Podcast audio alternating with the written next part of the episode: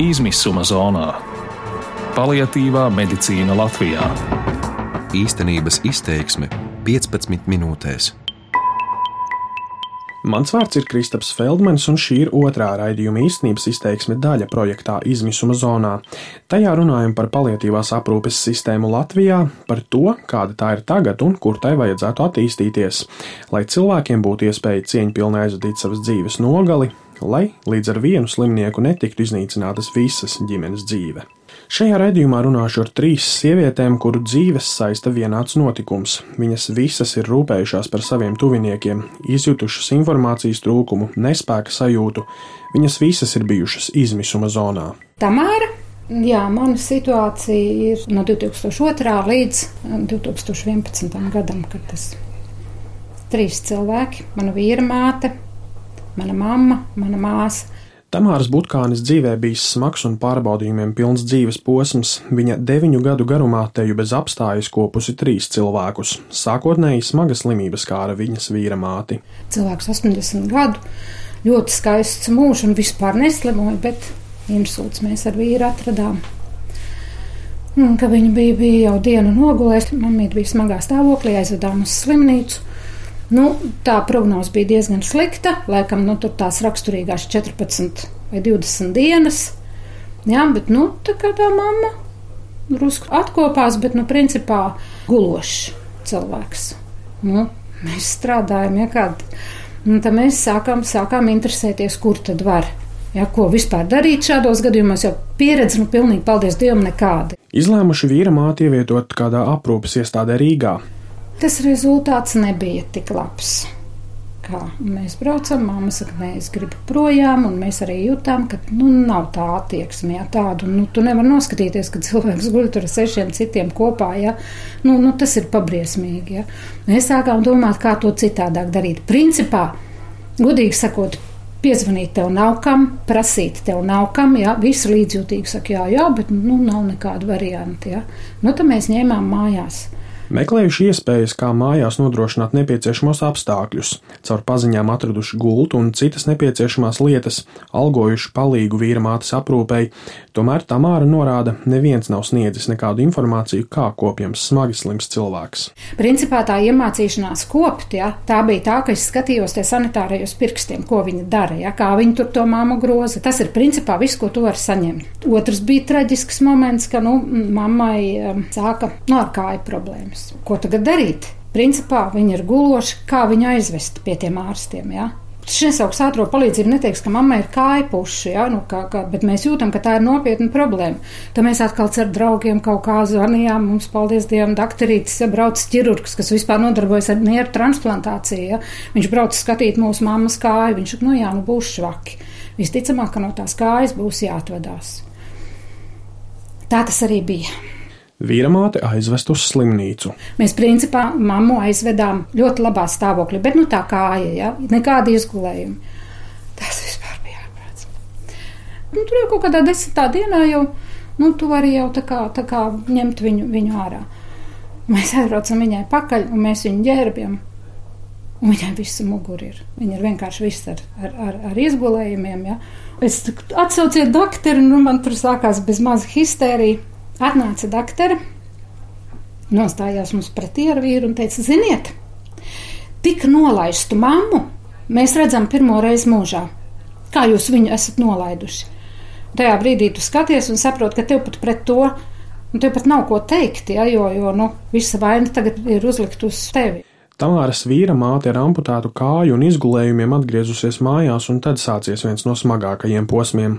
Nu pat noņemtā kāja bijusi jāpārsien. Kā to darīt, neviens nav skaidrojis. Nu, staigāja tirinādamies tur kaut kādu, kaut kādu laiku, un tie arī nu, nebija jau nemaz tik, tik nebija tā, ka, ka mirstamā vaina. Smags periods, kurā daudz pārciests un daudz apgūts. Tā vīra mātes kopšana raksturo Tamāra, bet liktenis pret viņu bijis nežēlīgs. Pēc kāda laika onkoloģiska saslimšana un citas smagas komplikācijas kopjumu padarīja Tamāras pašas māmiņu. Un mamma tika mm, slimnīcā un laikam uz nervu pamata. Gan drīz tad pat paralēli saslim arī māsa. Māsai bija ļoti spēcīgs insults 50 gados. Ja.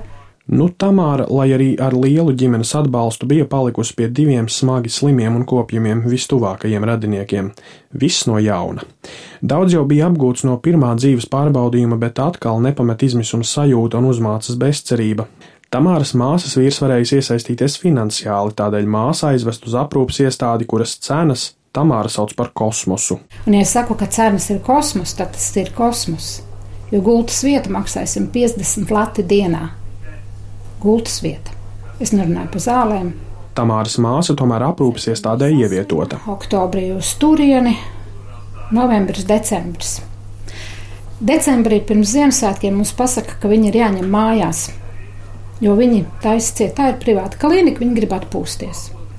Gulta, ko, ko mēs vispār, ko lai mēs darām? Divas nedēļas, ja? Atkal izmisums, kur visu nepieciešamo iegūt, kā tam atvēlēt laiku. Piemēram, gultu bijusi iespēja pasūtīt, bet tās piegāde būtu bijusi jāgaida pusotru līdz divus mēnešus. Beigās atraduši visu nepieciešamo, gulta izmaksājusi milzīgu naudu. Atpakaļ uz aprūpes centru pēc Ziemassvētkiem māsu veduši vairs nav. Šobrīd visi Tamāras kopjumie jau devušies mūžībā, un pēc visiem pārbaudījumiem viņi ir secinājusi vienu. Šis ir tas paradoks, ko es vienmēr domāju, un ko mēs ar māsas vīru vienmēr runājam, ka Latvijā ir ļoti labi ārsti. Viņa principā manu māsu izcēla no tāda stāvokļa, viņš bija bezcerīgs. Viņš bija bezcerīgs, māsa bija komā, viņa, viņa bija paralizēta absolūti, nu tā gan arī paralizēta viņa, viņa aizgāja. Bet, bet viņa, viņa izcēla, viņa neaizgāja. Pēc tam, lūdzu, tā mēs vairs neko darīt nevaram, tālāk ir jūsu rūpē. Ja? Cilvēks viņš var gulēt ilgi, sacīsim tā, un tajā brīdī tiek atdots, atdots tam tuviniekam. Viņa skaidri sapratusi, kas viņai pietrūcis. Manuprāt, ir svarīgi tā pleca sajūta, ja, ka tu vari kaut kur piezvanīt. Ja, jo man ļoti, ļoti gribētos uzsvērt to attieksmes jautājumu. Mēs nekur nesaskārāmies ar tādu tiešām tādu patiesu cilvēcīgu līdzjūtību. Saprotiet, es tagad negribu sūdzēties par medu personālu. Nu, tā, tā ir atsevišķa tēma, tie cilvēki maz saņem, bet, bet nekad nevar būt alga noteicošais attieksmē pret, pret slimu cilvēku un arī pret to piedarīgo. Ja? Tad es ne tā biju nostājusies, tā es ne tā laikā biju atnākusi, tā es, tā es vispār ne tā biju. Saprotiet, nu tas, tā, tā, tā ir kā, tas ir kā likums, tā ir kā dogma. Tā tad es jums gribu teikt, ka, ka pirmām kārtām attieksme, otrām kārtām, lai būtu kaut kāds atbalsta, tieši kas ir organizēts tieši šai, šai te paliatīvai aprūpē. Ja? Šis dzīves posms Tamāru psiholoģiski ietekmējis, viņa cenšas par to neatcerēties. Vispār kopš jūs pazvanījāt, es godīgi sakot, visu laiku to atceros, bet vispār man negribās. Jā. Man to negribās. Vispār es tā, mēs pat ar vīru te, te, tos gadus, ja es laikam to posmu esmu tā kā, tā kā izdzēsusi no, no, no tas, tas nav tas, ko gribās atcerēties. Jā. Nē, nē, tas, tas ir ļoti, ļoti smagi. Tas ir, tas ir uz, uz. Jā, tas ir smagi. Nedod Dievs, nedod Dievs. Mm saudzējiet veselību. Renāte Oluševska kopusi savu tēvu ar smagiem mugurkaula smadziņu bojājumiem. Tēvs kļuvis arvien vārgāks un bijis jādomā, vai tēvu aprūpēt mājās vai kādā iestādē. Izvēlējušies ievietot aprūpes iestādē. Viņas stāsts ir par to, ka maksas iestādes viņas pieredzē nenodrošina nepieciešamo aprūpi. Toreiz bija 900 eiro mēnesī, Nu, tas ir tad, eh, par to mēs arī cerējām. Ļoti brīnišķīgi aprūpi un, un, un ceriņus, un viss būs ļoti skaisti. Bija tie ceriņi? Nē. Nē, nebija gada, mēs viņu tikko atvedām. Tad, tad tētis bija infektuoloģijas centrā, tur bija muguras smadzenes bojāts un tā. Nu, trešajā dienā atskanēja zvans. Nu, var sakot, atskanēja zvans, ka slimniekam iestājusies koma, lai gan nu, tur ir tāds tā kā dežūra ārsts no 9 līdz 1. Ne tikai ceriņu nebija. Aizbraucot, viņi secinājuši, ka pat elementāra aprūpe nav tikusi nodrošināta. Nu, ko mēs atnākam, mēs atbraucam un secinām, ka vienkārši viņam ir temperatūra un plaušas karsonis. Bet nu, to tur noturējuši par komu, un tā temperatūra nebija mērīta, protams, kamēr mēs tur, nu, cilvēks reāli smok nost, bet, nu, tur tas ārsts bija gājis garām, nu, tā kā izsaucām paši ātro palīdzību, skābekļu aparātu sarunājām, izsaucām, noīrējām, tā kā arī tur ir problēmas ar to, ka pašam ir jāsako pilnīgi visam līdzi. Tas ir, ja mēs nebūtu atbraukuši, tad nu, cilvēks tur ar 38 grādiem, ko izmērīja ātrā palīdzība. Tas nozīmē, ka tajā iestādē pa temperatūru netika izmērīta. Nu, Tētis atkal vest uz slimnīcu. tā tas cilvēks ceļo pa visiem gaņģiem. Tā kā cerēt, ka par, par diezgan lielām summām, jo es uzskatu, ka tā ir liela summa ģimenei. Pie tam ņemot vērā, ka zāles un viss higienas preces un pilnīgi viss tas ir atkal no ģimenes, tas ir tur nodrošina tikai it kā nu, barošanu, dežūrārstu uzraudzību, nu, kuras, kā mēs saprotam, nebija. Šajā dzīves posmā bijis jāziedot daudz brīvā un aizņemtā laika, un bieži nācies meklēt iespējas atprasīties no darba pienākumiem. Mums diviem cilvēkiem bija jāatprasās uz darbu, kad ir tās vizītes konkrētās. Nu, tad divi ar taksīti mēs braucam, nu, ot, tad, tad mēs ceļam ārā. Tad mēs, es pat savu tēvu esmu stutējis pret priedi, kad otrs netika. Nu, nu tā tas viss notiek. Jo, teiksim, arī daudz izmeklējumi. Piemēram, infektuoloģijas centrā ārsti pieņem otrajā stāvā. Mēs viņus stiepām nu, nu, nu, tā, nu, no, no abām pusēm vienkārši pa trepēm, jo mēs pat sagāzām vienreiz puķpodu. Nu, tēti sagāzes, pēc tam domāju, vajadzēja man sagāzt arī otru. Nu, lai norādītu kaut kādiem cilvēkiem, ka konkrēti tagad nekustās cilvēkam viena puse. Mēs viņu esam uztiepuši augšā, mēs viņu esam stutējuši pret priedi, Nu, lai uz brīdi tā kā brīvas rokas. Nu, tā nav tāda īsti nu, normāla, manuprāt, situācija. Arī Renāta pēc pārdzīvotā norāda, vajag vairāk informācijas. Es domāju, ka pirmkārt vajadzētu buklets, kuriem ir kaut kāda jēga. Vajadzētu tādus tā kā, nu, kas pastāsta, kur vērsties. Jā, ka, darīt. kas tāda un tāda situācija, kuru kam prasīt atbalsta grupas, teiksim, ģimenes locekļiem ļoti grūti tajos laikos nav kam, nu, to padomu īsti prasīt. Pats kā jau visi gudri, tas ir, tas ir tā. Tā kā nākošo, PPP, bet es turētu mājās. Jā. Tāds ir mans rezumē. Un, un, un, diemžēl, arī maksas. Es nezinu, kā, kā, kā citas, bet nu, konkrētā man tur tā slikti izgāja ar to visu.